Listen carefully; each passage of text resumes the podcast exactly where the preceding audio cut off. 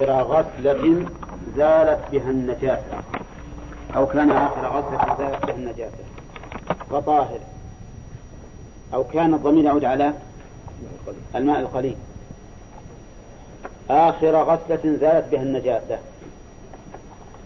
آخر غسلة زالت بها النجاسة. المعروف عند الفقهاء رحمهم الله أنه لا بد لطهارة المحل المتنجس من أن يغسله سبع مرات. أن يغسله سبع مرات. فالغسلة الأولى والثانية والثالثة والرابعة والخامسة والسادسة. كل المنفصل من هذه الغسلات نجس. نجس. لأنه انفصل عن محل النجس بالكم كل المنفصل قبل السابعة كله نجس. العلة أنه انفصل عن محل. أنه انفصل عن محل النجس لأنه ما يطهر إلا بسبع غسلات مثلا إنسان يغسل ثوبه من نجاسة. الذي يسرب من الغسلة الأولى والثانية والثالثة والرابعة والخامسة والسادسة. نجس. لماذا؟ لأنه انفصل عن محل النجس وهو يسير فيكون قد لاقى النجاسة وهو يسير وما لاقى النجاسة وهو يسير فإنه ينجس بمجرد الملاقاة. طيب إذا انفصل في السابعة وقد زالت النجاسة عين النجاسة من موجودة. السابعة يقولون يكون طاهرا غير مطهر. لأنه آخر غسلة زالت بها النجاسة فيكون طاهرا غير مطهر. الثامنة طهور. الثامنة طهور. لأنها لم تؤثر شيئا ما أثرت شيئا. لكن السابعة كان طاهرا غير مطهر يقول لأنه أثر شيئا وانفصل عن محل طاهر. ماذا أثر؟ أثر طهارة المحل. لأنه ما يطهر إلا بالسابعة. هو أثر حكما وهو طهارة المحل وانفصل عن محل طاهر. فعلى هذا لا يكون طهورا لأنه حصل به إزالة نجاسة ولا يكون طاهرا غير مطهر و ولا يكون نجسا لأنه انفصل عن محل طاهر. واضح التعليل؟ طيب. هذا فصار المنفصل من التطهير. المنفصل من التطهير أو من محل التطهير إن كان قبل السابعة. طيب. إن كان السابعة فطهر المطهر. إن كانت الثامنة فطهور. هذا إذا كانت عين النجاسة قد زالت. أما لو فرض أن النجاسة ما يابسة ما زالت في السبع غسلات فمن فصل قبل زوال عين النجاسة فهو نجس لأنه لاقى النجاسة وهو يسير.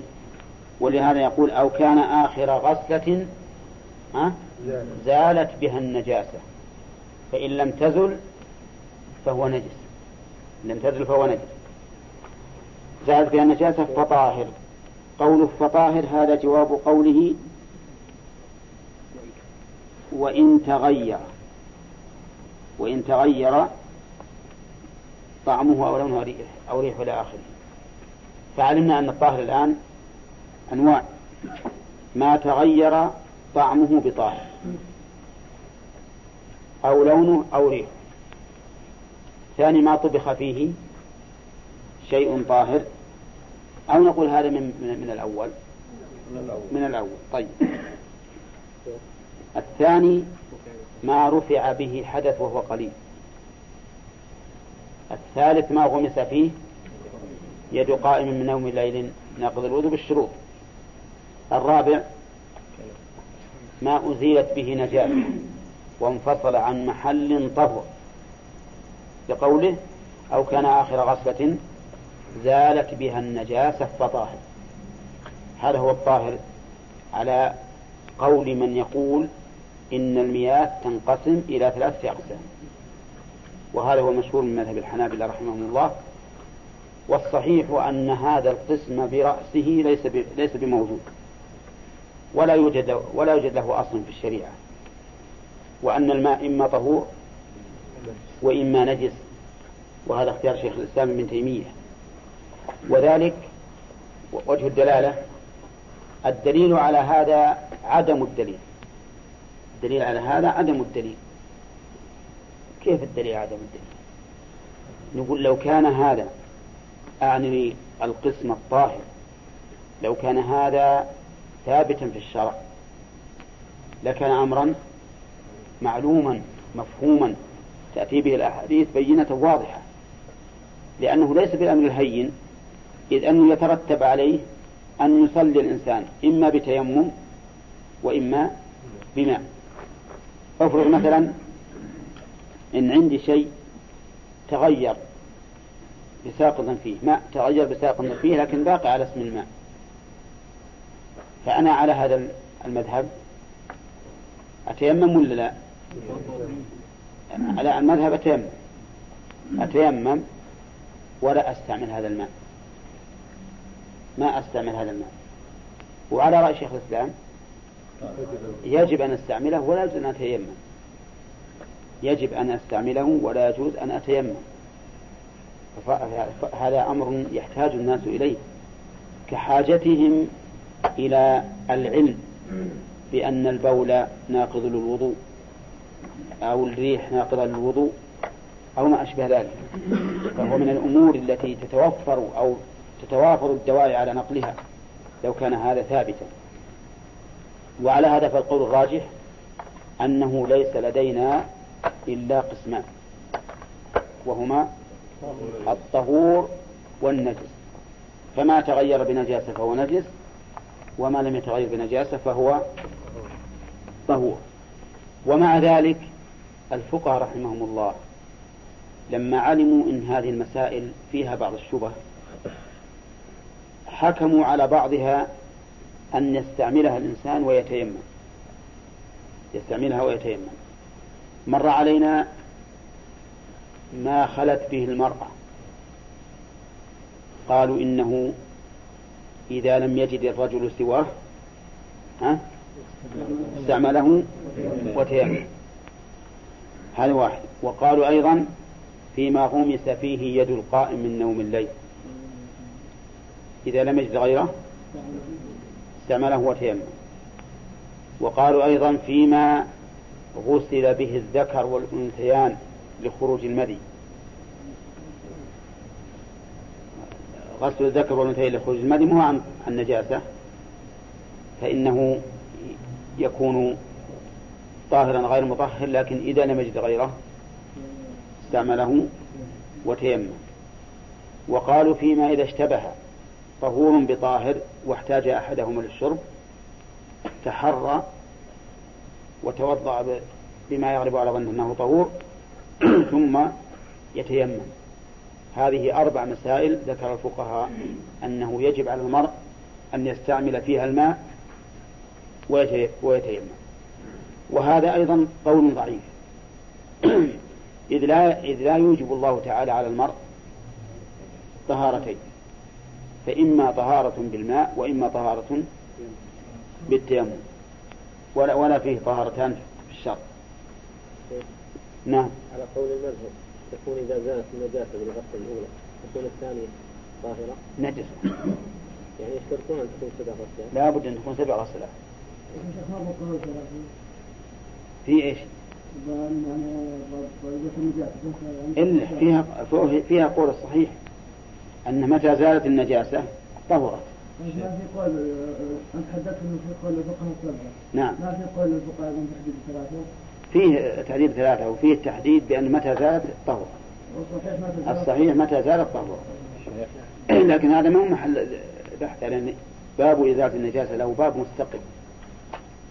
نعم ذاكر هنا أن أحمد والثلاثة كلهم قالوا أن إذا غمس الماء أنه طاهر مطهر إيه؟ كيف المذهب وأحمد؟ كيف؟ كيف يقول إن على أحمد؟ هما ها تقدمنا يا أخي. عدة مرات. إنه إذا قيل مذهب فلان فقد يراد به المذهب الاصطلاحي والشخص. والشخص. يكون مذهب الإمام أحمد مثلا الشخص شيء وما اصطلح عليه أتباعه شيء آخر. لكن ما يصير أتباعه يبنون على أحد الروايات؟ إلا كيف؟ ما ذكر روايات لا ما في شك إن هذه رواية.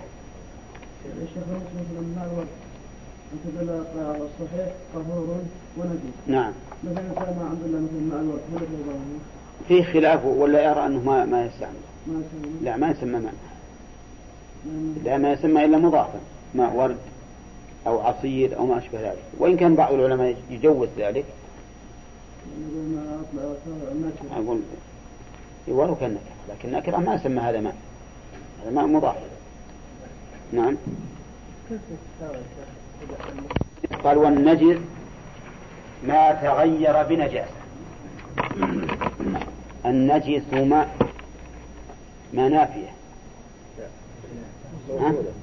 لا. موصولة. يعني النجس الذي تغير. النجس الذي تغير. ما تغير بنجاسة. تغير ما بين المؤلف رحمه الله. تغير إيش؟ لكنه يؤخذ من قوله فيما سبق في قسم الطاهر أن المراد الطعم أو اللون أو الريح. ما تغير بنجاسة طعمه أو لونه أو ريحه. ويستثنى من المتغير بالريح ما سبق؟ وش اللي سبق؟ لا لا. إذا تغير بمجاورة ميتة فإنه سبق أنه لا يكون نجسا لأنها لا لم تكن فيه. وهذه الجملة أو هذا الحكم مجمع عليه. على أن ما تغير بنجاسة فإنه نجس بالإجماع. نعم. وقد وردت أحاديث وإن كانت ضعيفة فيها ما يدل على ذلك. مثل الماء طهور. حديث أبي أمامة الماء طهور لا ينجسه شيء إلا ما غلب على طعمه أو لونه أو ريحه بنجاسة تحدث فيه. النجاسة ما تغير بنجاسة. أي نجاسة تكون؟ ها؟ حتى لو كان بول آدمي أو عذرة المائعة ها؟ إيه؟ حتى لو كان كذلك. حتى لو كانت النجاسة يعفى عن يسيرها كالدم. ها؟ نعم. ما تغير بنجاسة فهو نجس. هذا واحد. قال أو لاقاها وهو يسير. لاقاها يعني لاقى النجاسة وهو يسير. جملة وهو يسير حالية. يعني والحال أنه يسير. وما هو اليسير؟ ما دون القلتين. ما دون القلتين. فإذا لقاها وهو يسير سواء تغير أم لم يتغير. نعم. ما هو إذا تغير واضح الدليل. الإجماع والأحاديث التي أشرنا إليها والتعليل لأنه لما تغير بالخبث صار خبيثا. فهو دليلها الأثر والتعليل. لكن أو لاقاها وهو يسير. ما هو الدليل على أن ما لاقاها وهو يسير وإن لم يتغير فهو نجس؟ إذا بلغ الماء قلتين لم يحمل الخبث وفي لفظ لم ينجس. وقد سبق الكلام عليه وبينا أن هذا يدل بمنطوقه على أنه لا ينجس إذا بلغ هذا المبلغ. وأما إذا لم يبلغ فإنه يدل بمفهومه على أنه ينجس ولكن المنطوق الماء لا ينجسه شيء إلا ما غلب على لونه مقدم عليه. وعلى هذا فيكون قوله لقاه ويسير الصحيح أن هذا ليس من قسم النجس حتى يتغير. حتى يتغير. ويستثنى من ذلك على المذهب أو لقاه ويسير يستثنى من ذلك ما إذا لاقاها في محل التطهير. في محل التطهير فإنه لا ينجس كيف في محل التطهير؟ يعني الإنسان مثلا في ثوبه نجاسة يبي يصب عليه ماء كثير ولا قليل؟ دون القلتين. ببلاق النجاسة إذا قلت إنه نجس بالملاقاة ها؟ صار ما يمكن ما يمكن تطهيره. ما يمكن تطهير هذا النجس لو قلنا بأنه إذا لقاها في محل التطهير ينجس معناه أن الماء الآن صار نجسا فلا فلا يطهر. صب ماء ثاني. ها؟ يصير نجس ولا يطهر. وهكذا نبقى دائما غير غير طاهر. نعم. لكنهم يستثنون هذا. يقولون في غير ها؟ في غير محل التطهير. وعللوا ذلك بأننا لو حكمنا بنجاسته في محل التطهير سواء متغير أو ما تغير ما أمكننا أن نحكم على شيء ها؟ بالطهارة. الثالث قال أو انفصل عن محل نعم. لاحظوا إن كلمة في في في غير محل التطهير معناه أنه من يوم ينفصل. الماء عن هذا المحل وش يكون؟ يكون نجسا. قال أو انفصل عن محل نجاسة قبل زوالها هذا الثالث. انفصل عن محل نجاسة قبل زوالها. زوال عينها ولا زوال حكمها؟ الأولى أن نقول زوال حكمها. لأن إذا قلنا زوال عينها فقد صدق عليه أنه لاقاها ها؟ وهو يسير. فيكون في الجملة شبه تكرار. فنقول أو لا أو لاقاها أو انفصل مع النجاسة قبل زوالها أي زوالها أي زوال حكمها. فإن قلت لماذا لا تجعله زوال عينها أو حكمها؟ قلنا لأنه إذا انفصل قبل زوال عينها فقد لاقاها ها؟ وهو يسير. وقد عرف الحكم هذا من الجملة التي قبلها. هذا النجس الآن يا خالد. كم صار أقسام النجس؟ ثلاثة. ما تغير بنجاسة. أو لاقاها وهو يسير. ها؟ أو انفصل عن محل نجاسة قبل زواله. طيب هذا ماء نطهر به ثوبا نجسا النجاسة زالت في الغسلة الأولى. وزال أثرها نهائيا في الغسلة الثانية. فغسلناه الثالثة والرابعة والخامسة والسادسة. ماذا يكون الماء المنفصل من هذه الغسلات؟ ها؟ نجسا لأنه لاقى النجاسة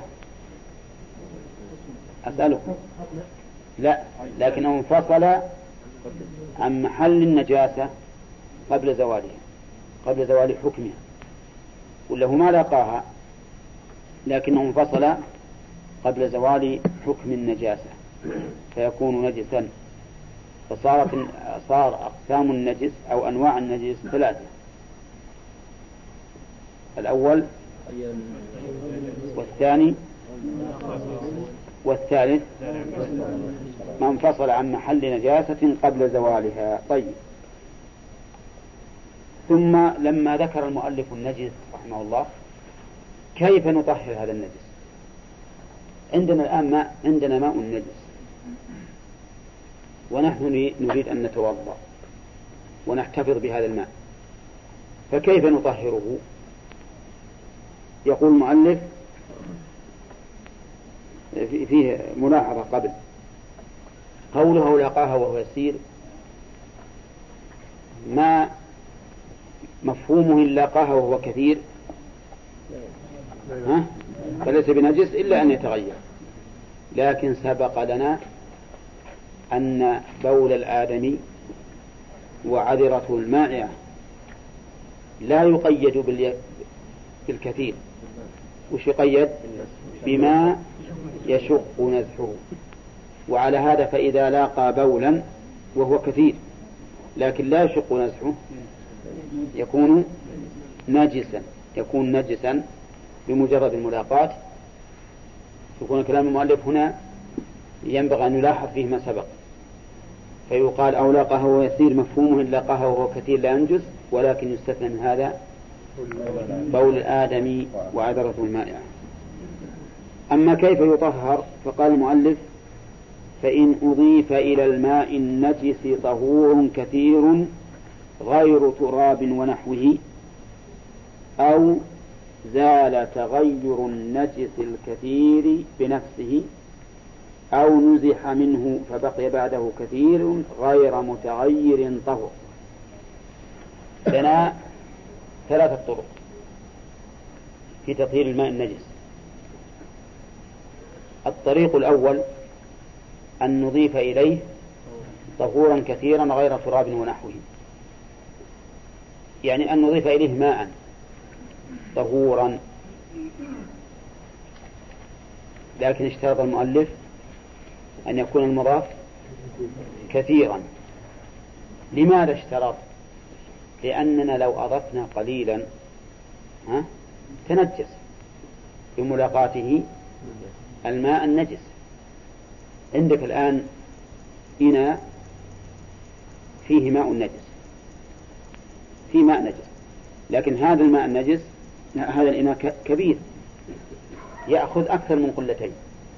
والماء الذي فيه نصف قلة نصف قلة حط بالك ماء في قدر كبير مقداره نصف قلة متغير بالنجاسة. لكنه يأخذ ثلاث طلال. هذا القدر يأخذ ثلاث طلال. كيف كيف نطهره؟ نجيب قلتين ونصبهن على نصف القلة الآن أضفنا إليه ها؟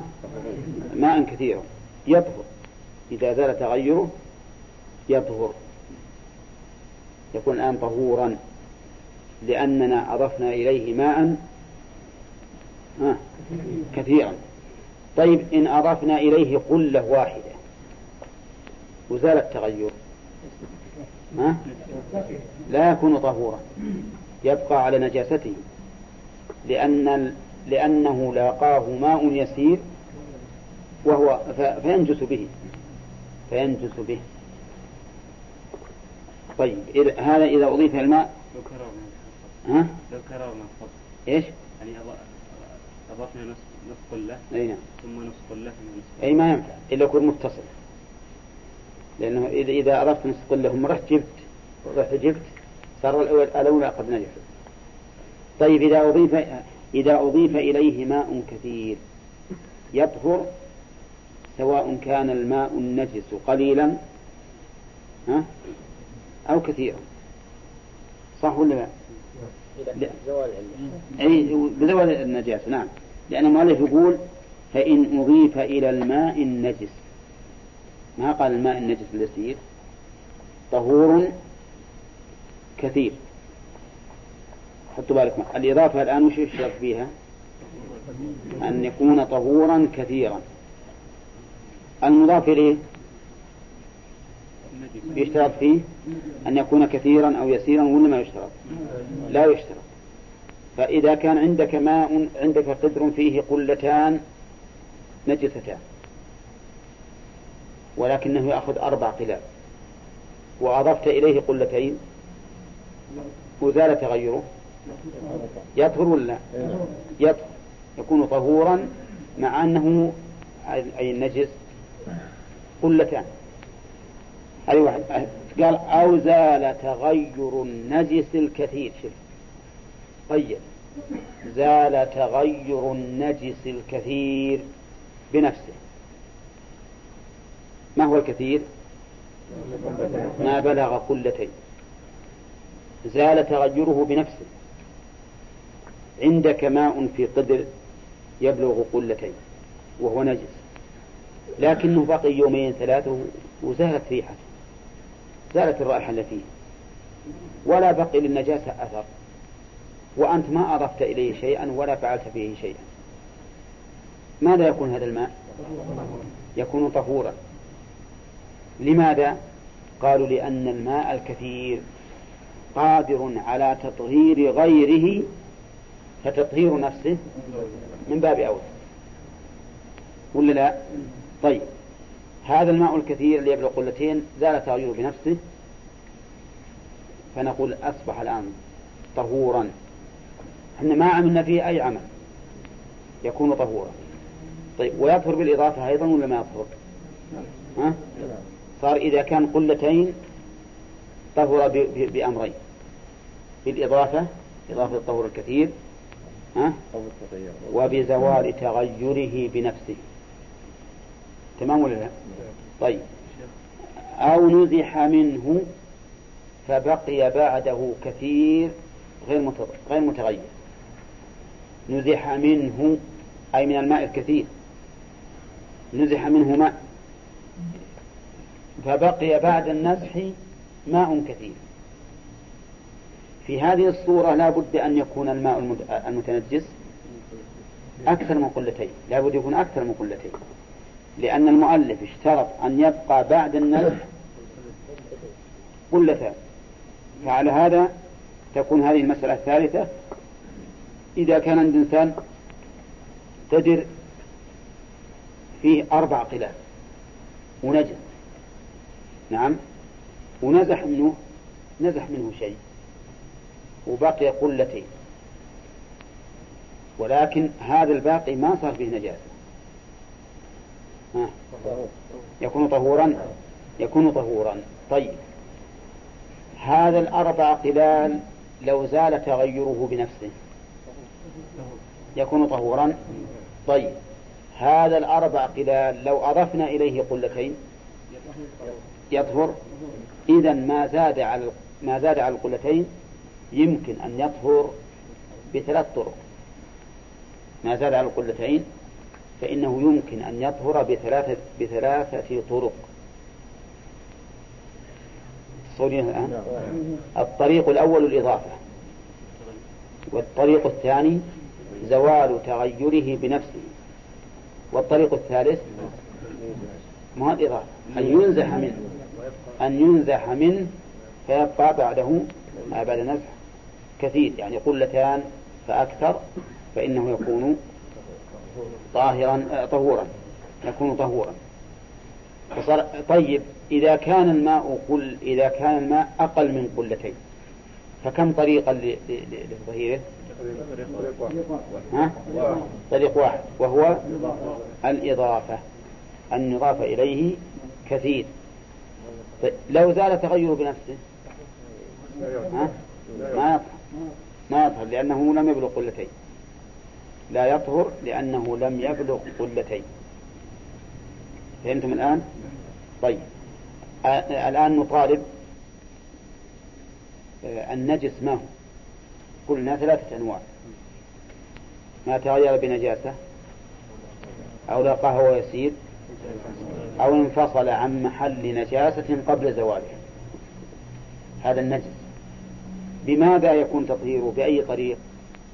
نقول إن كان أكثر من القلتين فله ثلاثة طرق.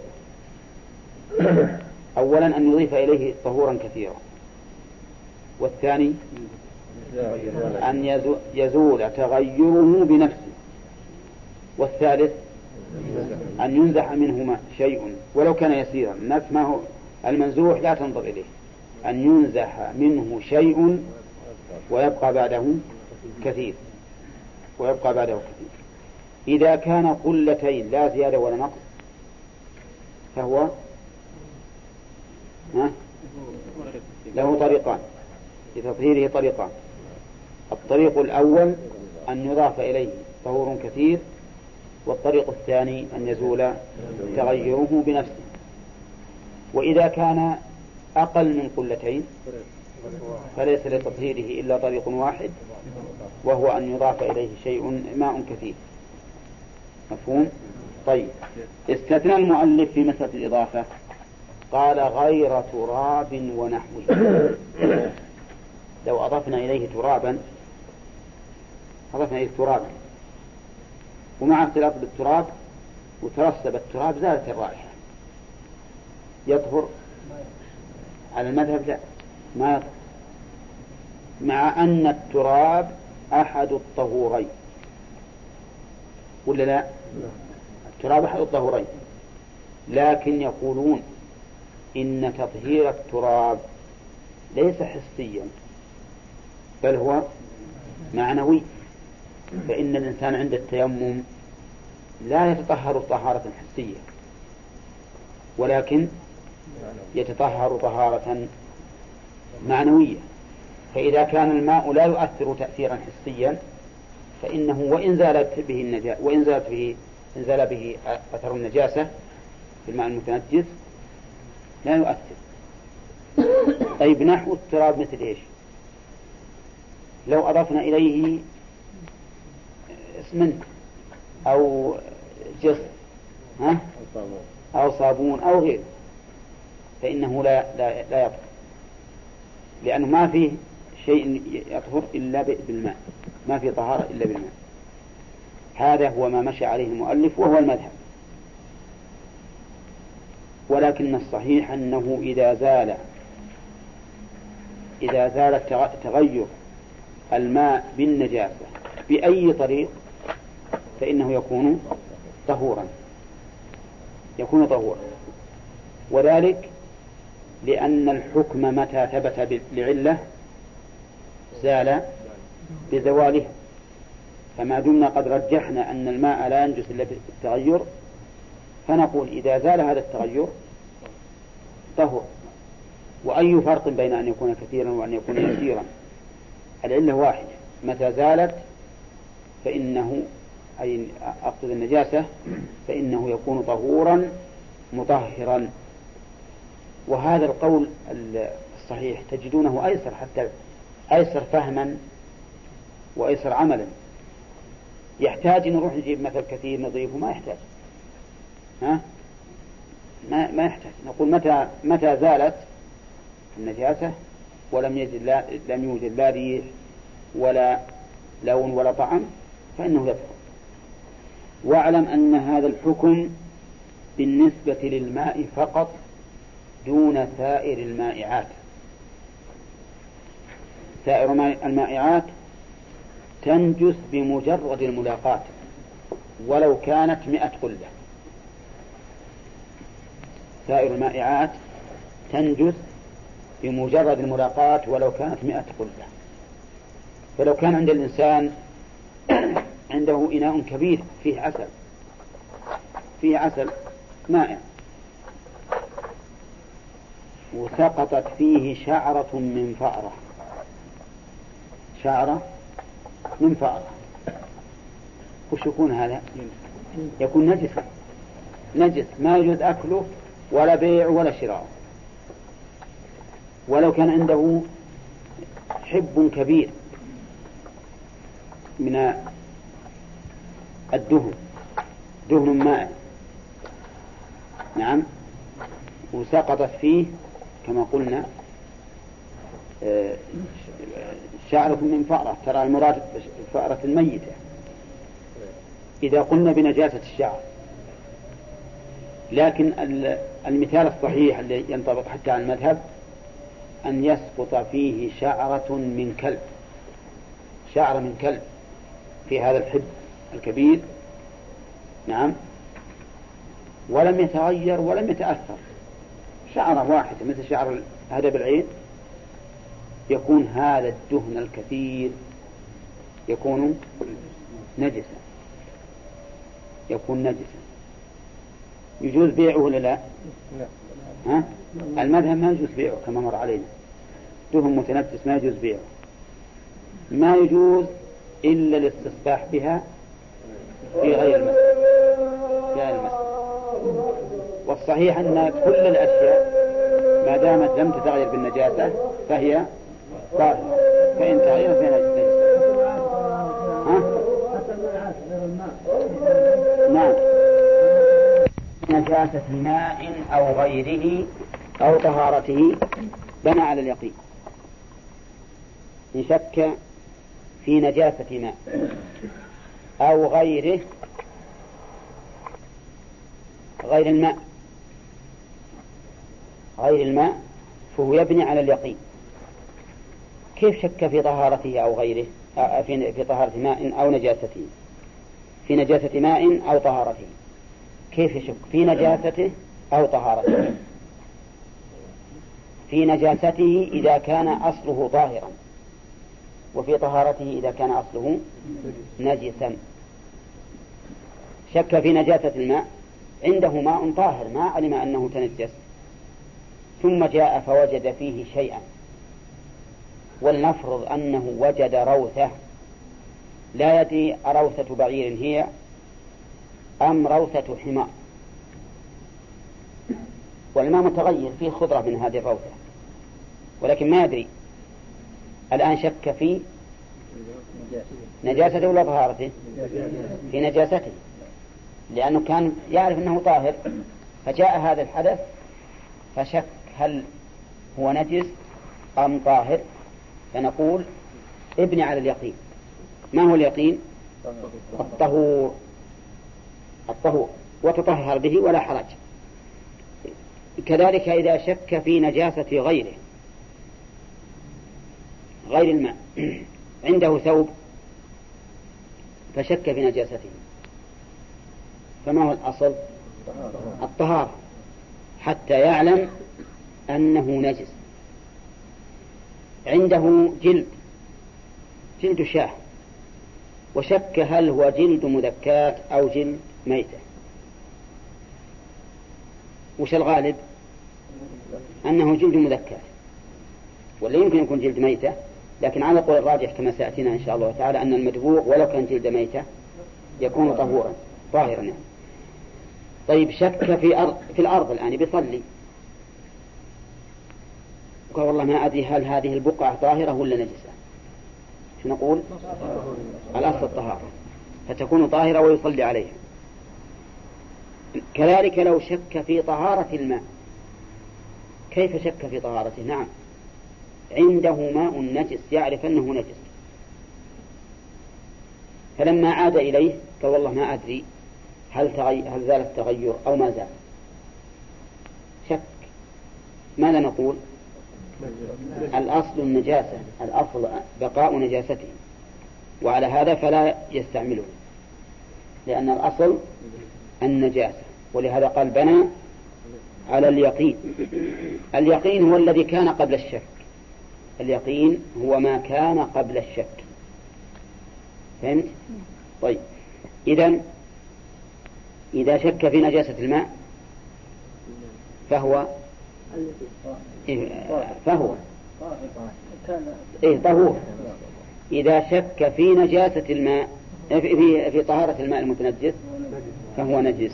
طيب ما هو الدليل؟ وما هو التعليل؟ الدليل على ذلك حديث عبد الله بن زيد أن النبي عليه الصلاة والسلام شكي إليه الرجل وكذلك حديث أبي هريرة. يجد الشيء في بطنه فيشكل عليه. هل خرج منه أم لا؟ شيء أم لا؟ فقال ها؟ لا ينصرف حتى يسمع صوتا أو يجد ريحا.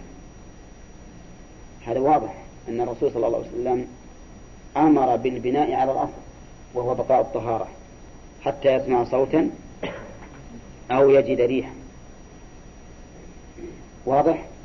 طيب إذا هذا الماء الطهور شككنا هل أصيب بنجاسة أم لا؟ فنقول لا نتجنبه حتى نتيقن أنه نجس. وهذا الماء المتنجس شككنا هل زالت زال تغيره بالنجاسة أم لا؟ فنقول لا نستعمله حتى نتيقن أن النجاسة زالت. هذا دليل أثري. يعني دليل استدلال بالأثر. كذلك عندنا دليل نظري استدلال بالنظر وهو أن الأصل بقاء الشيء. هذا الأصل. الأصل بقاء ما كان على ما كان حتى يتبين التغير. نعم تغير الشيء. فهذا دليل نظري عقلي. وبناء على ذلك إذا أصابك ماء ميزاب وأنت مار في السوق.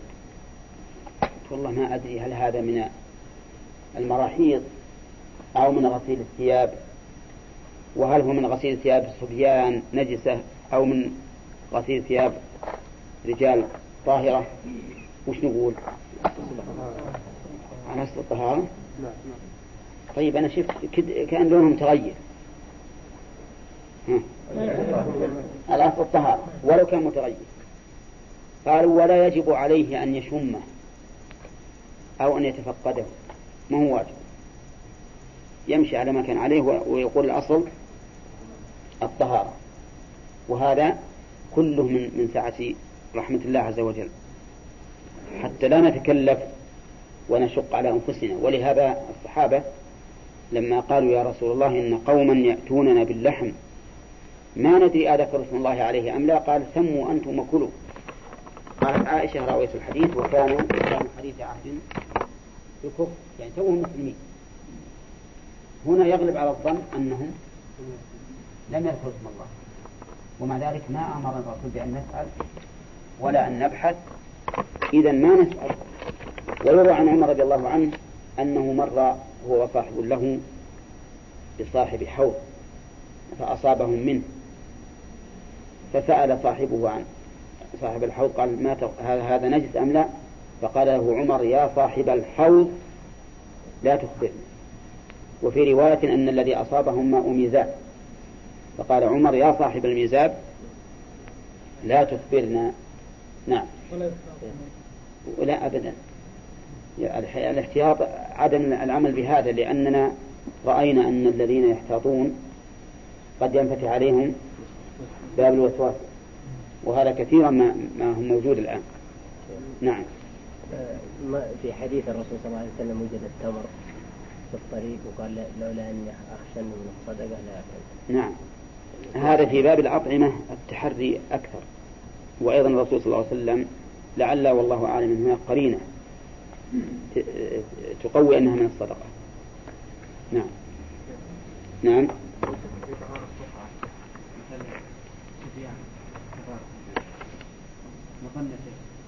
أي ولو كان رأس الطهارة أو لو لو رأينا البول ولكن ما نجد بقعة من المكان.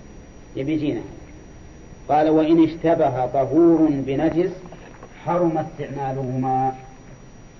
اشتبه طهور يعني ماء طهور بنجس بماء نجس حرم استعماله لماذا؟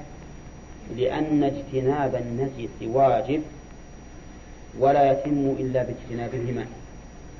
وما لا يتم الواجب إلا به فهو واجب. نعم. هذا دليل قياس نظري.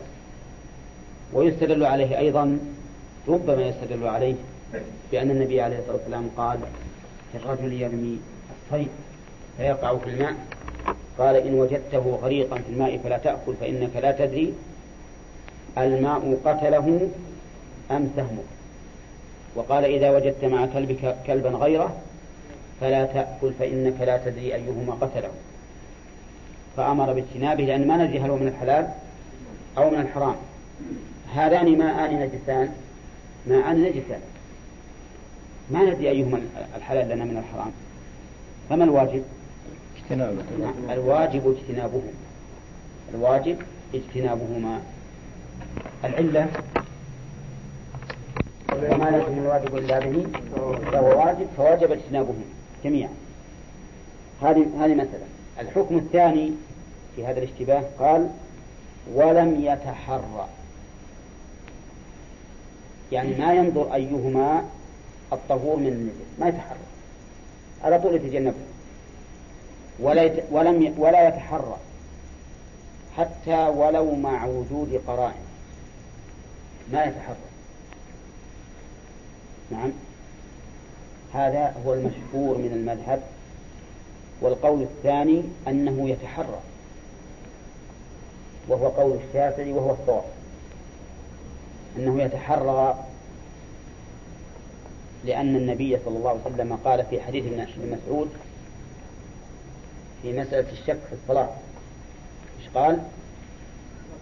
فليتحرى الصواب ثم ليبني عليه. هذا دليل أثري في ثبوت التحري في المشتبهات.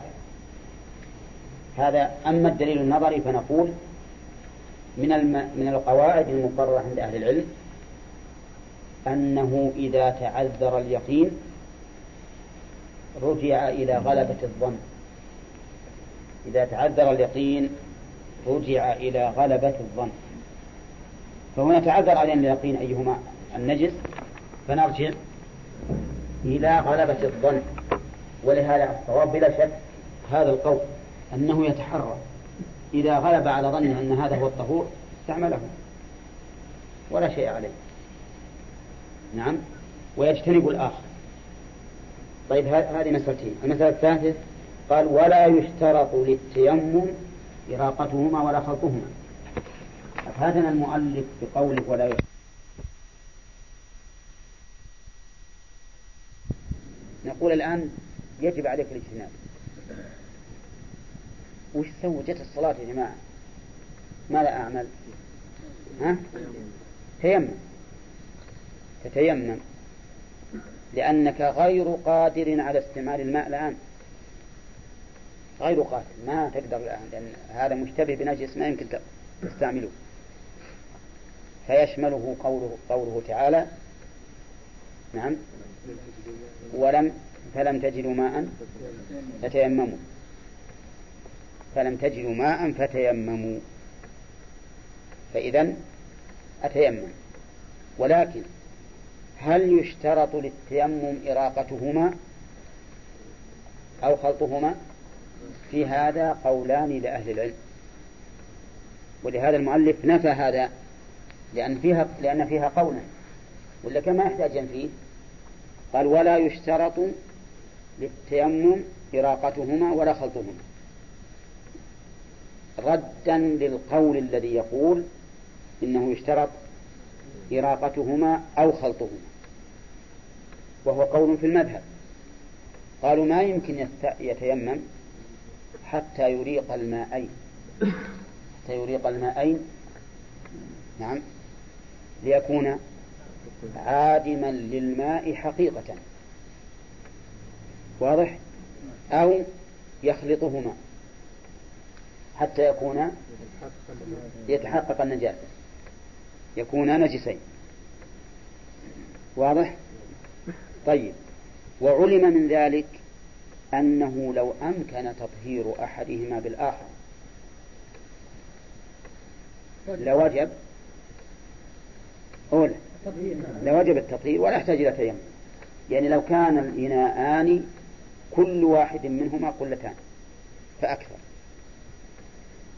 يمكن؟ يمكن تطهير واحدهما بالآخر. لأنه إذا كان رقم واحد هو النجس أضفنا إليه رقم اثنين وهو طهور كثير فيطهره إذا زال تغيره. وكذلك بالعكس. وكذلك بالعكس. فالآن أفادنا المؤلف رحمه الله في هذه ثلاثة أحكام في هذه المسألة إذا اشتبه طهور بنجس أولا الحكم الأول تحريم استعمالهم. الحكم الثاني عدم التحري في أيهما الطهور. الحكم الثالث أنه أنه يتيمم. يتيمم. أولى الحكم الرابع أنه لا يشترط للتيمم إراقتهما ولا خلطهما وإن شئنا قلنا إن هذا تابع للتيمم فلا يكون حكما مستقلا. لكن هناك قول يقول لا بد من خلطهما حتى يكونا نجسين أو إراقتهما حتى يكون عادما للماء حقيقة. ولكن الصحيح أنه لا يشترط.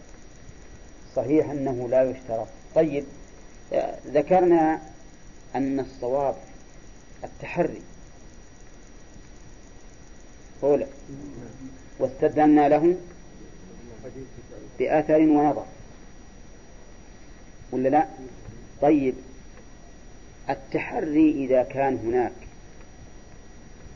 قرائن تدل على أن هذا هو الطهور وهذا هو النجس. واضح أن أن المحل الآن قابل للتحري. بسبب بسبب القرائن. ولكن إذا لم يكن هناك قرائن فهل يمكن التحري؟ نعم. التحري بناء على قرينة غير ممكن. لو سمعنا القرائن الإناءان سواء في اللون والنوع والماء سواء. ما الآن ولا يتذكر شيء أبدا.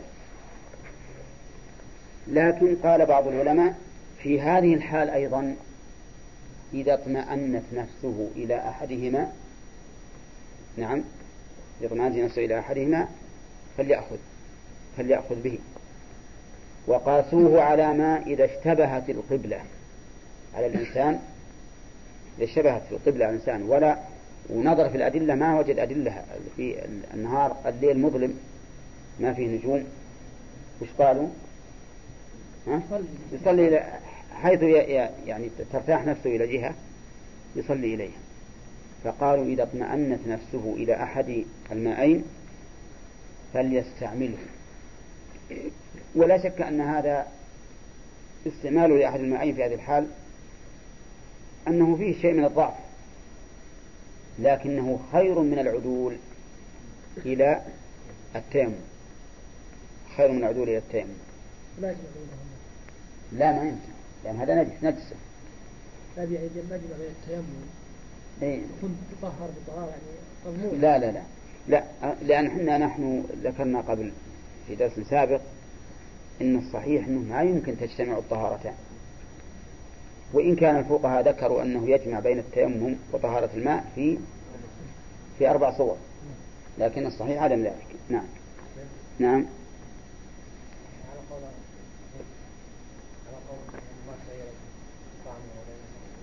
أي. لا قد يكون أنا ما أشم. أو يكون رجل أعمى ما يرى. نعم. أو فاقد الذوق. أو يقول ما إحنا ذوقه وانت نطح بالنجم نعم مع أنه يجوز مع أنه يجوز اختبار مثل هذا أن يذوقه لو كان يخشى أن يقع في النجس وإذا أحس أن هذا هو النجس نجعه. ها؟ إيه؟ يكون طهور. يكون ما فيه اشتباه الآن. يكون ما فيه اشتباه. ولا صلاة لا ما أظن. لا ولا يستخير ثم يستخير ثم يتوضأ. أي هنا اللي يغلق الأرض؟ لا ما له داعي. نعم. ها؟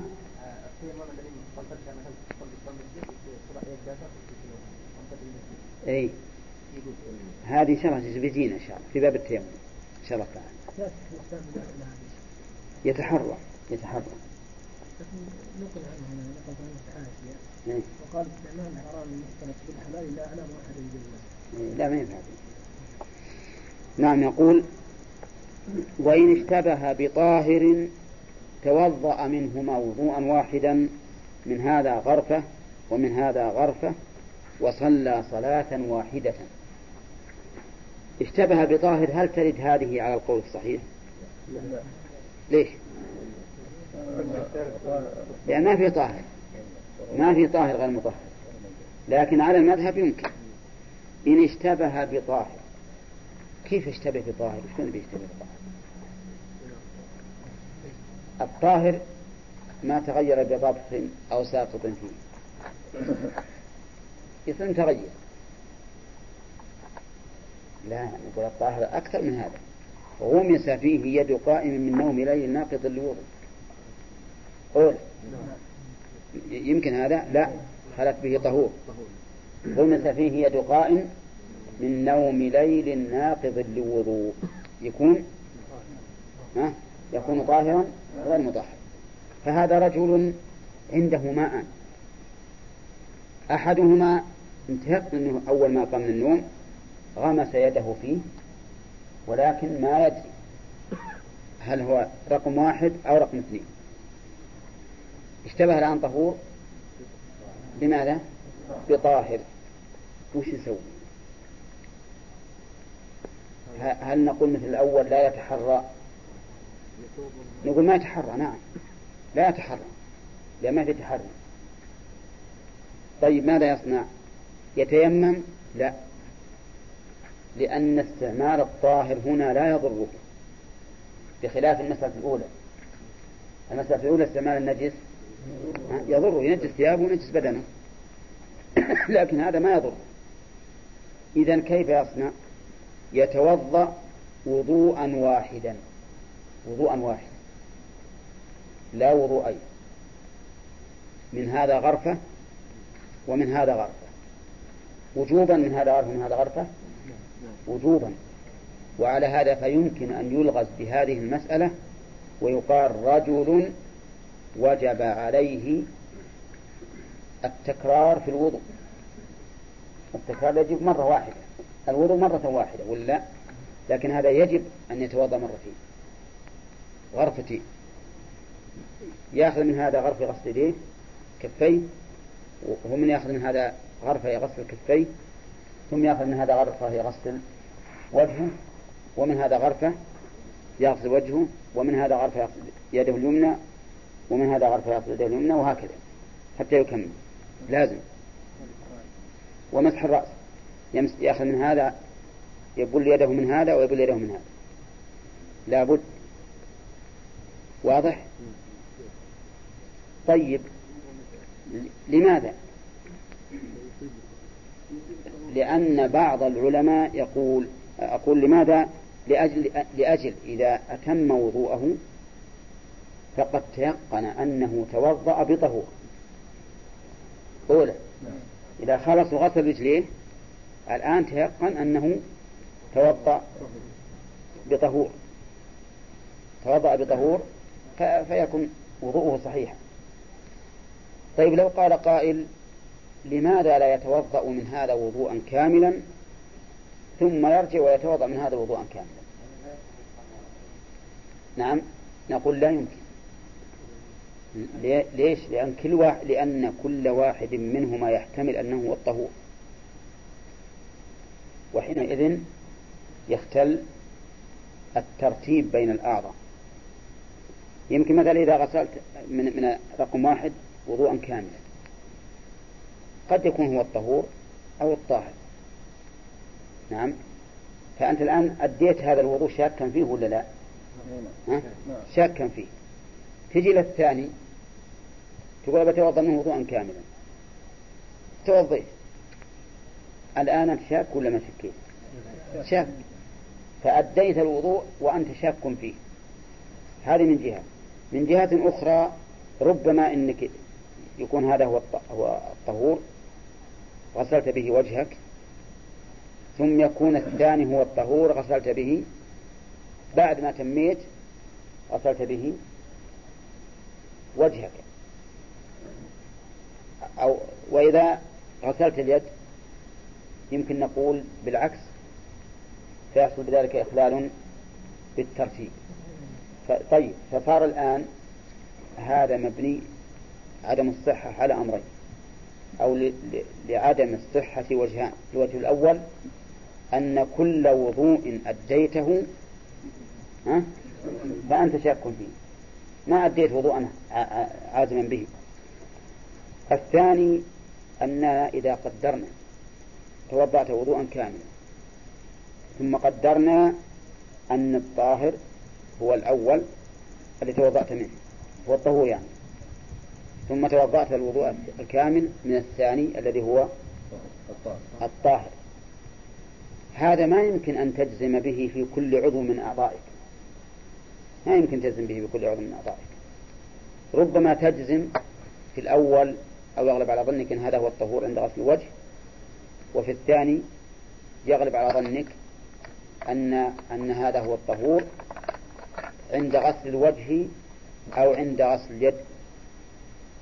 وكذلك بالعكس فيحصل اختلاف في الترتيب بمعنى أن تصوري بأن هذا هو الطاهر أو هذا هو الطهور قد يختلف بحسب الأعضاء فيختلف ترتيبها واضح؟ سبحان ها؟ ما هو واضح؟ نعم الآن توضأت من هذا وضوءا كاملا كاملا وانتهيت ثم أردت أن أتوضأ من الثاني وضوءا كاملا كل عضو من أعضائي أنا أقدر أن هذا هو الطهور أو أن هذا هو الطاهر كل عضو من الأعضاء أليس كذلك؟ فأنا إذا قدرنا إن الأول هو الطهور يمكن نكون مشينا على الترتيب. إذا قدرنا أن الثاني هو الطهور مشينا على الترتيب ولا لا؟ نعم. ما ما مشينا على الترتيب لأنه اختلف. إذ أني مثلا غسلت يدي بالأول على أن ذاك هو الطهور. والآن غسلت وجهي على أن هذا هو الطهور. هو الطهور. لأن كل عضو أغسله فأنا بقدر أن هذا هو الطهور. أو هذا هو الطاهر. فيكون لا أنا هذا ما يمكن تتفق وأنا شاك فيها. الواقع غير مثل ما أعتقد. فالمهم أن الوجه الأول واضح لكم. أنك تؤدي طهارة شاكا فيها. ولا يقال إنه باجتماعهما حصل اليقين. نقول لأن أحدهما حينما أديته كنت شاكا فيه. ما عندك يقين.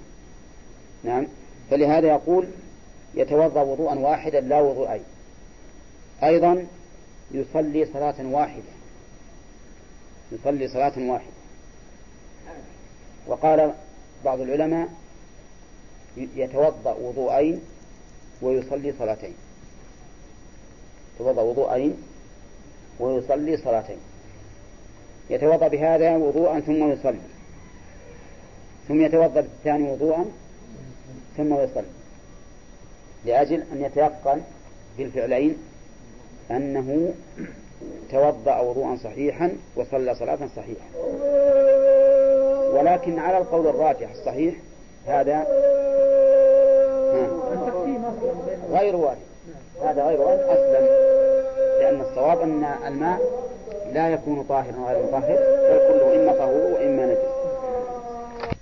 نجس ظاهرة بنجسة أو بمحرمة صلى في كل ثوب صلاة بعدد النجس أو المحرم وزاد صلاته. إذا اشتبهت ثياب طاهرة بنجسة هذه لها هذه المسألة لها تعلق في باب اللباس في باب السترة باب شروط الصلاة. ولها تعلق هنا. هنا تعلقها هنا من باب الاستطراد.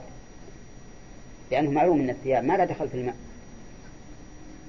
أليس كذلك؟ هذه تذكر في باب ستر العورة من شروط الصلاة. لكن هم ذكروها هنا على سبيل الاستطراد فنقول إذا اشتبهت ثياب طاهرة بنجسة.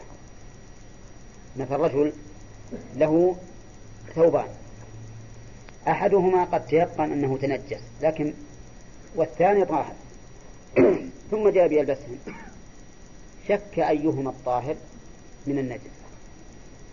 فماذا يصنع والآن ما معه الثوب ما في شك. يعني إذا كان معه ثوب لا شك فيه فالأمر واضح. ماذا يصنع؟ ها؟ يصلي في الثوب الذي لا شك فيه. وينتهي الموضوع. لكن هذا ما عنده إلا الثوبين لازم يصلي بحداه وشك. فماذا يصنع؟ نقول تصلي بعدد النجس وتزيد الصلاة. تصلي بعدد النجس وتزيد صلاة. ليش؟ لأنه لأنك كل ثوب تصلي فيه يحتمل أنه هو النجس فلا تصح صلاتك. إذ أن من شروط الصلاة أن يصلي الإنسان بثوب طاهر. فلا يمكن أن تخرج بيقين أو فلا يمكن أن تصلي بثوب طاهر يقينا إلا إذا صليت بعدد النجس وزدت صلاة طيب عنده ستة ثياب نجسة وواحد طاهر. ستة ثياب نجسة واحد طاهر. كم يصلي؟ سبع صلوات. سبع صلوات. بعدد النجس والنجس ستة. ويزيد الصلاة لأجل أن يتيقن أنه صلى بصلاة بثوب طاهر. بثوب طاهر. هنا في الحقيقة كل صلاة يؤديها يشك هي اللي صحت ولا اللي ما صحت. أليس كذلك؟ كل صلاة يؤديها ما يؤديها عن يقين. حتى السابعة ما يظن هي التي صحت دون الأولى. لكن إذا اجتمع الجميع ها؟ تيقن أنه صلى صلاة صحيحة. طيب لو زاد عدد النجس لو كان عنده ثلاثين ثوب نجس وواحد طاهر. صلي؟ كل وقت واحد وثلاثين صلاة. هنا نعم. وعلى كل حال هذه فرضا ولا بدل من ذلك يشتري ثوب جديد وينتهي. لكن أو يغسل واحد وينتهي. لكن هذه المسألة فرضا. يصلي بعدد النجس ويزيد صلاته هذا ما مشى عليه المؤلف. ولكن الصحيح في هذه المسألة أنه يتحرى. الصحيح أنه يتحرى. وإذا غلب على ظنه أحد الثياب صلى فيه وانتهى. والله تعالى لا يكلف نفسا إلا وسعها. ولم يوجب الله على الإنسان أن يصلي أكثر من صلاة. أبدا. فالصواب أنه يصلي صلاة واحدة. فإن قلت ألا يحتمل مع التحري أن يكون صلى بالثوب النجس؟ نقول بلى لكن هذا منتهى قدرته. ثم إن الصلاة في الثوب النجس عند الضرورة الصحيح أنها تجوز. أما المذهب يرون أن الصلاة في الثوب النجس عند ضرورة تصلي فيه وتعيد.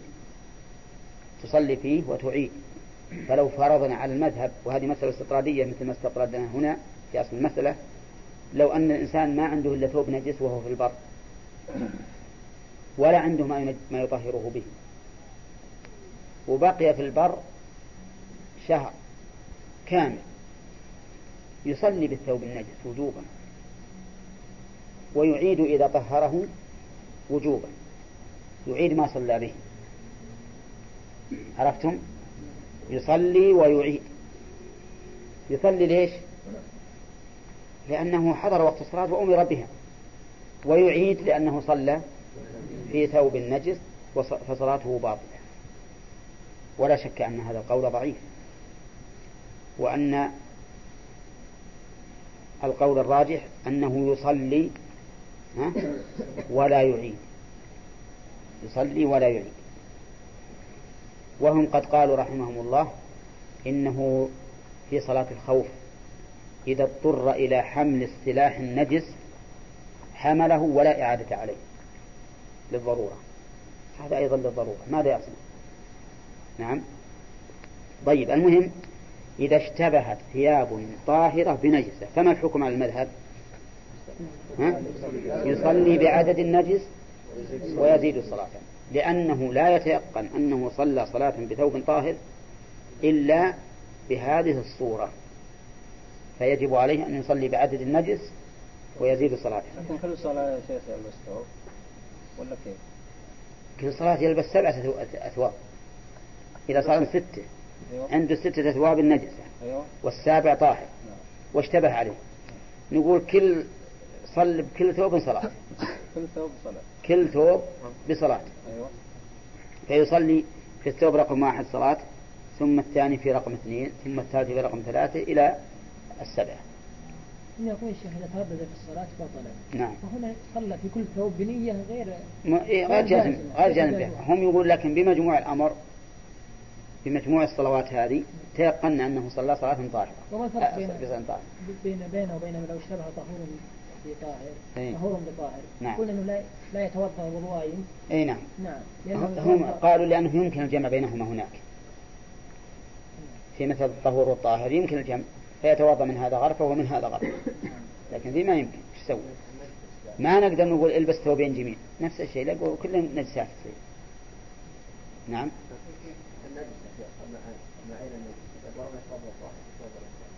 كيف؟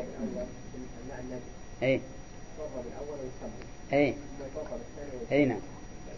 نعم الفرق بينهما أن الماء إذا إذا استعمله وهو نجس تنجس هو وثيابه.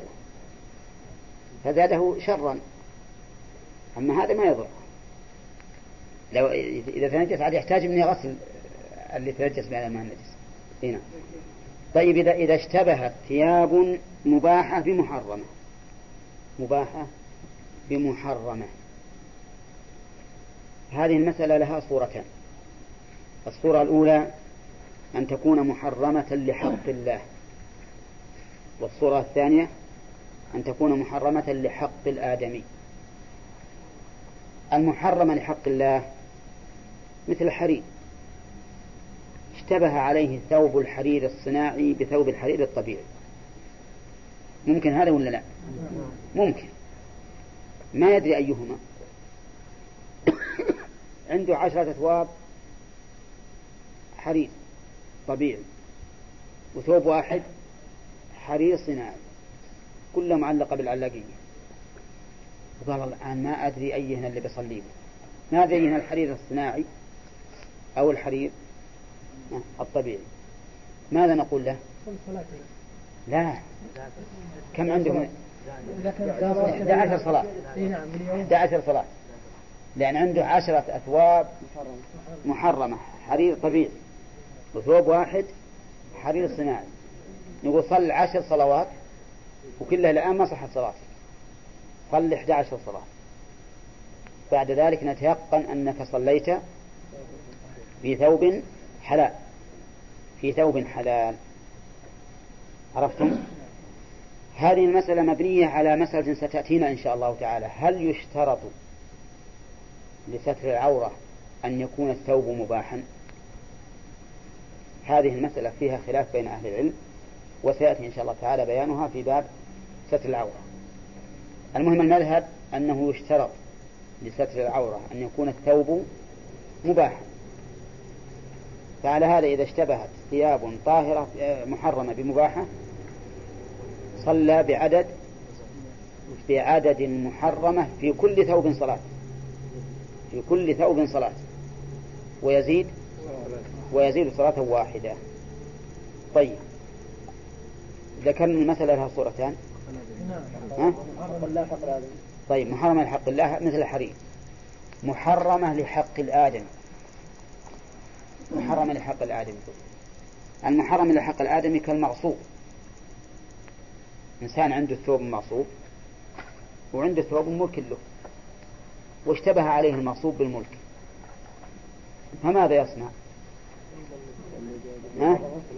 يصلي بعدد المغصوب ويزيد صلاة. لكن هنا مشكلة.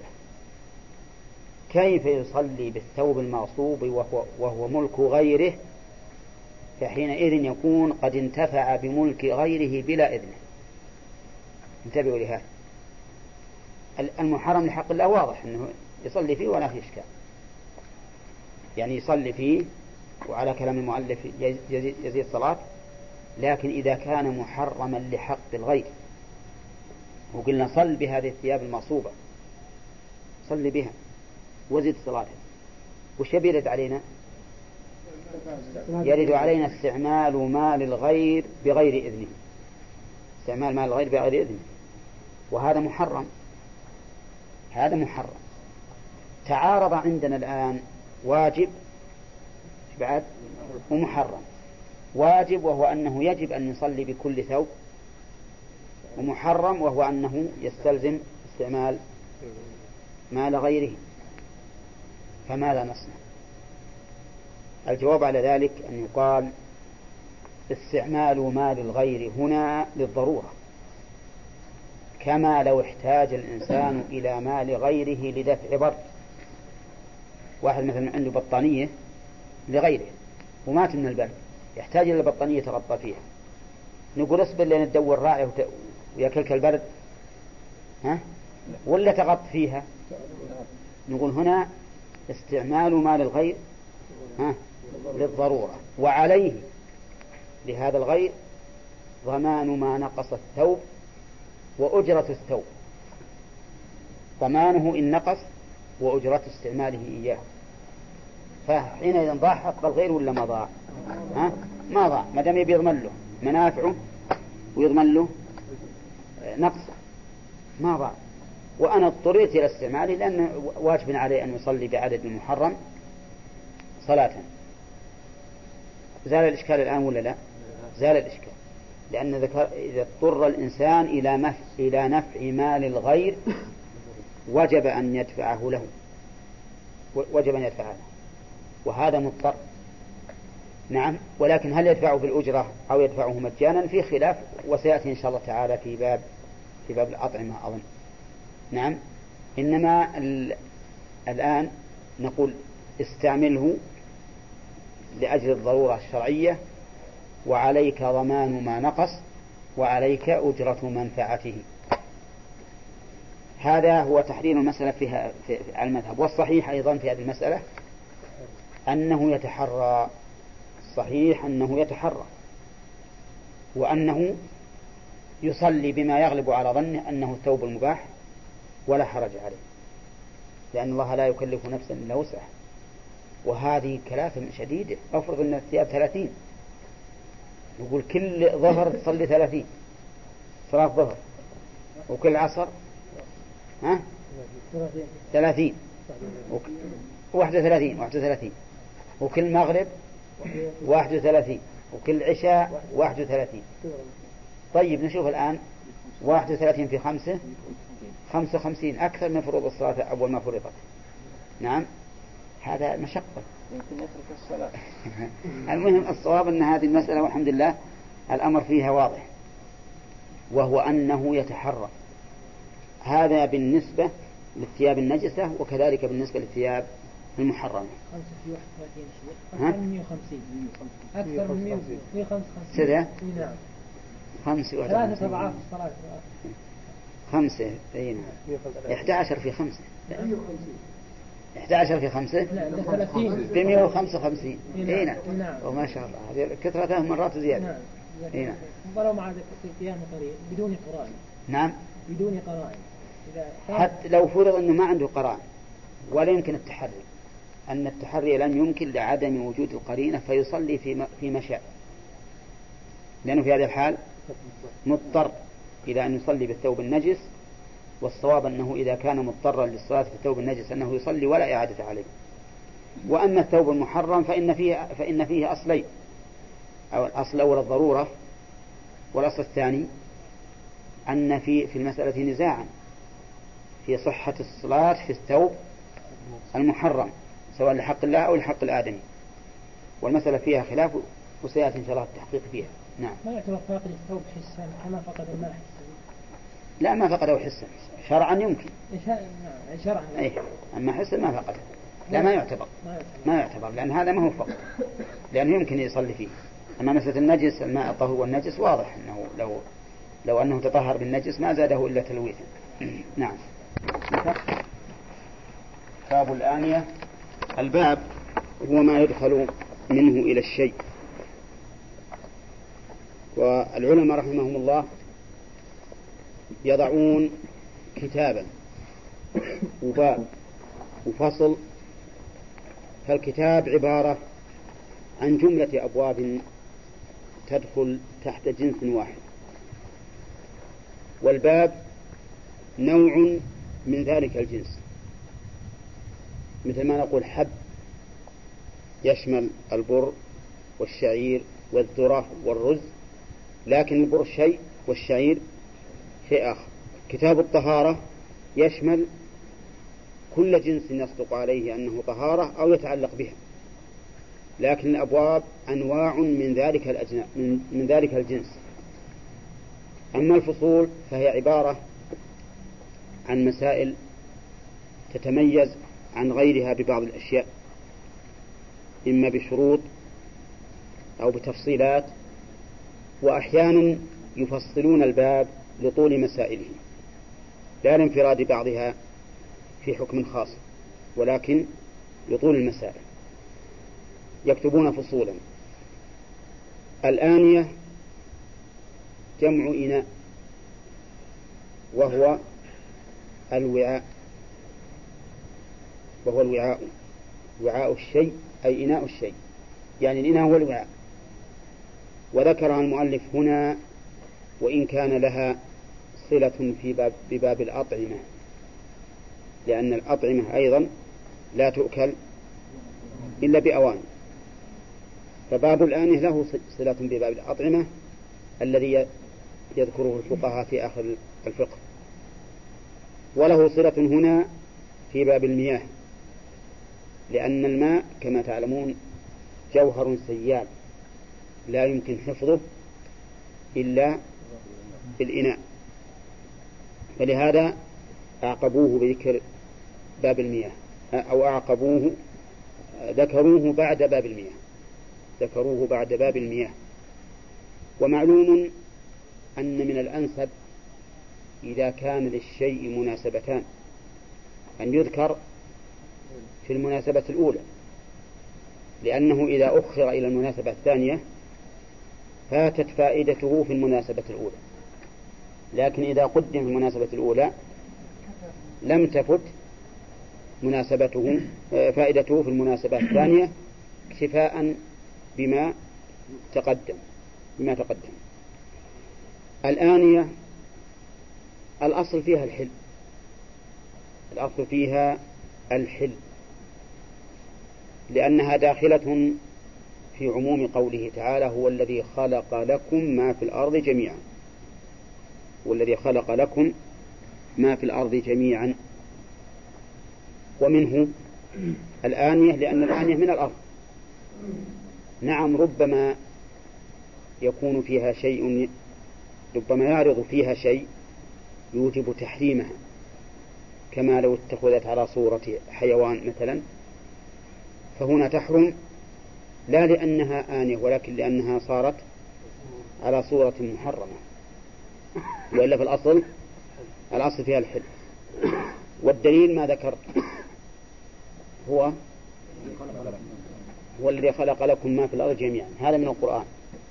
ومن السنة قول النبي صلى الله عليه وسلم وما سكت عنه فهو عفو. وقال عليه الصلاة والسلام إن الله تعالى فرض فرائض فلا تضيعوها وحد حدودا فلا تعتدوها. وسكت عن أشياء رحمة بكم غير نسيان فلا تبحثوا عنها. إذا فالأصل فيما سكت الله عنه إيش؟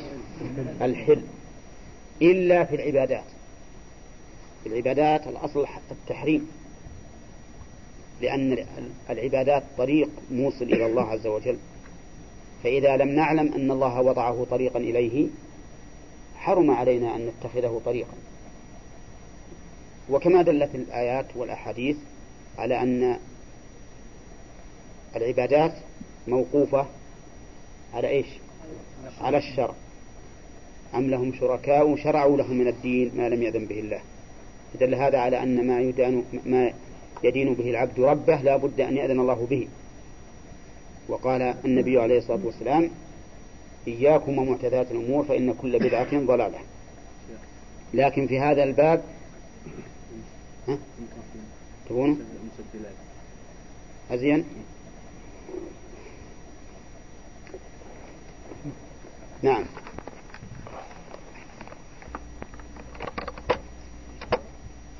إن الأصل في الأواني الحل. نعم. بدلالة الكتاب والسنة. وعلى هذا فإذا اختلفنا في شيء هل هو حلال أو حرام فنقول لمن قال إنه حرام ها عليك الدليل لأن الأصل عندنا. ولا فرق بين أن تكون الأواني كبيرة أو صغيرة. يباح الكبير والصغير. قال الله تعالى عن سليمان يعملون له ما يشاء من محاريب وتماثيل وجفان كالجواب وقدور الراسيات الجواب ما هي؟ الجابية برك الجفنة مثل الصحفة. وقدور راسيات. ما تحمل ولا تشال لأنها كبيرة راسية. ولكثرة ما يطبخ فيها لا, لا, لا تحمل. تبقى على ما كانت عليه. فلا فرق بين الصغير والكبير. لكن إذا خرج ذلك إلى حد الإسراف صار محرما لغيره. لماذا؟ للإسراف. إن الله لا يحب المسرفين. قال المؤلف ولو ثمي كل إناء طاهر. طاهر. احترازا من الإناء النجس. فإن النجس لا يجوز استعماله. لأنه نجس. قدر وفي هذا الذي قاله المؤلف نظر فإن النجس يباح استعماله إذا كان على وجه لا يتعدى. إذا كان على وجه لا يتعدى فلا حرج في استعماله كما سيأتينا إن شاء الله تعالى في مسألة الجلد قبل الدبغ أو بعد الدبغ. فإذا استعمل على وجه لا يتعدى فإنه لا حرج فيه. والدليل على ذلك حديث جابر أن النبي عليه الصلاة والسلام قال يوم عرف حين فتح مكة إن الله حرم بيع الخمر والميتة والخنزير والأصنام. قالوا يا رسول الله أرأيت شحوم الميتة فإنه تطلى بها السفن وتدن بها الجلود ويستصبر بها الناس؟ قال لا هو حرام. فأقر النبي عليه الصلاة والسلام هذا الفعل مع أنه مع أن هذه الأشياء نجسة فدل ذلك على أن الانتفاع بالشيء النجس إذا كان على وجه لا يتعدى لا بأس به. وقوله ولو ثمينا لو هذه إشارة خلاف. يعني ولو كان غاليا مرتفع الثمن مثل إيش؟ كالجواهر والزمرد والماس وما أشبه ذلك. فإنه يباح اتخاذه واستعماله. وقال بعض أهل العلم إن الثمين لا يباح اتخاذه واستعماله لما فيه من الخيلاء والإسراف. وعلى هذا القول يكون التحريم فيه لذاته ولا لغيره؟ لغيره. وهو كونه إسرافا وداعيا إلى الخيلاء والفخر فيكون من هذه الناحية محرما. لا لأنه ثمين وقوله يباح اتخاذه هذا خبر المبتدأ. أين المبتدأ؟ كل. والتركيب هنا فيه شيء من الإيهام. لأن قوله يباح اتخاذه واستعماله قد يتوهم الواهم أنها صفة. لأنها خبر. ويتوقع الخبر.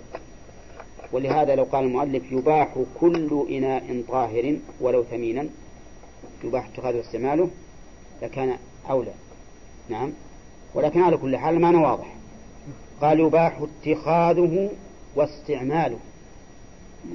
هل هناك فرق بين الاتخاذ والاستعمال؟ نعم. اتخاذه إنه يقتنى فقط إما للزينة وإما لاستعماله في حال الضرورة وإما للبيع فيه والشراء وما أشبه ذلك. هذا الاتخاذ. وأما الاستعمال فهو التلبس بالانتفاع به. يعني يبدأ يستعمله فيما يستعمله فيه. فإذا اتخاذ الأواني جائز. طيب لو لو زادت على قدر الحاجة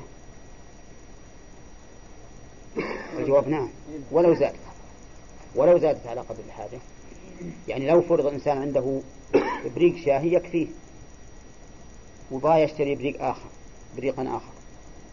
يجوز؟ ها؟ يجوز. يجوز اتخاذه وإن كان ما هو مستعمل الآن لكن أتخذه لأنه ربما أحتاجه فأبيعه ربما أحد يستعيره مني ربما أن اللي عندي يخرب ربما أنه يأتيني ضيوف ما يكفيهم اللي عندي. فالمهم أن الاتخاذ جائز والاستعمال جائز. قال المؤلف إلا آنية ذهب وفضة ومضببا بهما. من القواعد الفقهية يقولون إن الاستثناء معيار العموم.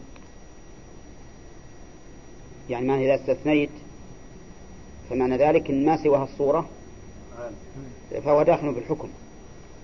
وعلى هذا فكل شيء يباح اتخاذه معيار العموم. الاستثناء معيار العموم يعني ميزان.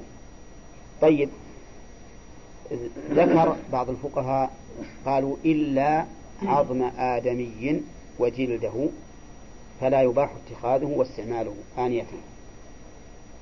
وعللوا ذلك بأنه محترم بحرمته.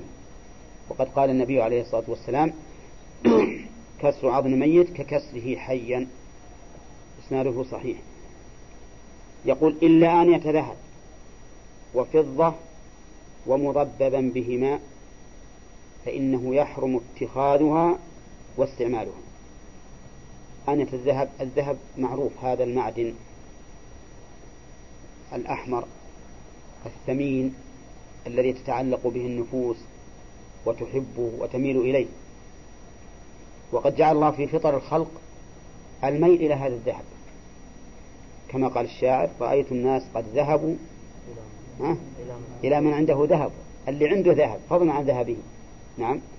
وكذلك الفضة وهي في نفوس الخلق دون الذهب ولهذا كان تحريمها أخف من الذهب. نعم. وقوله إلا أنة ذهب وفضة يشمل الصغير والكبير. حتى الملعقة. ها؟ حتى الملعقة. وحتى السكين.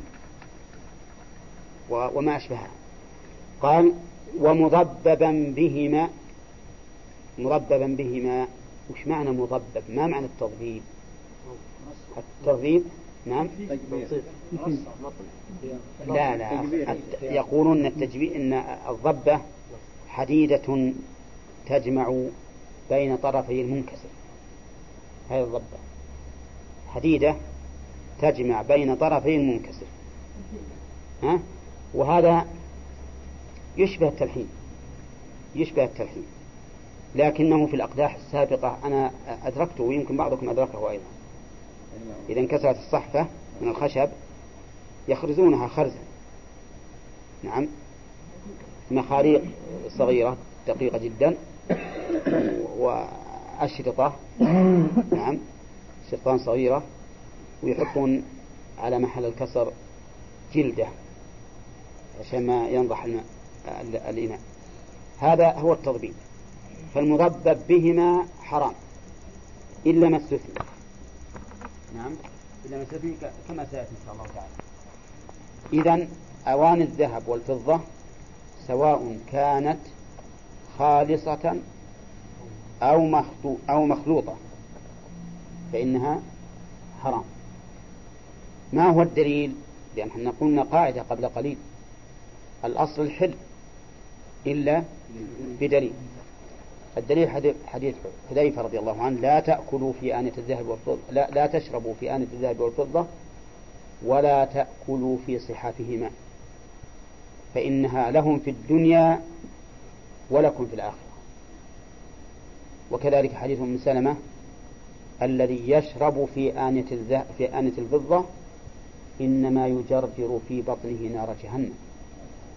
وهذا دليل على أن النهي للتحريم. حديث حذيفة النهي فيه للتحريم لا للكراهة. وذلك لأن الرسول صلى الله عليه وسلم توعده بنار جهنم. فيكون محرما بل من كبائر الذنوب.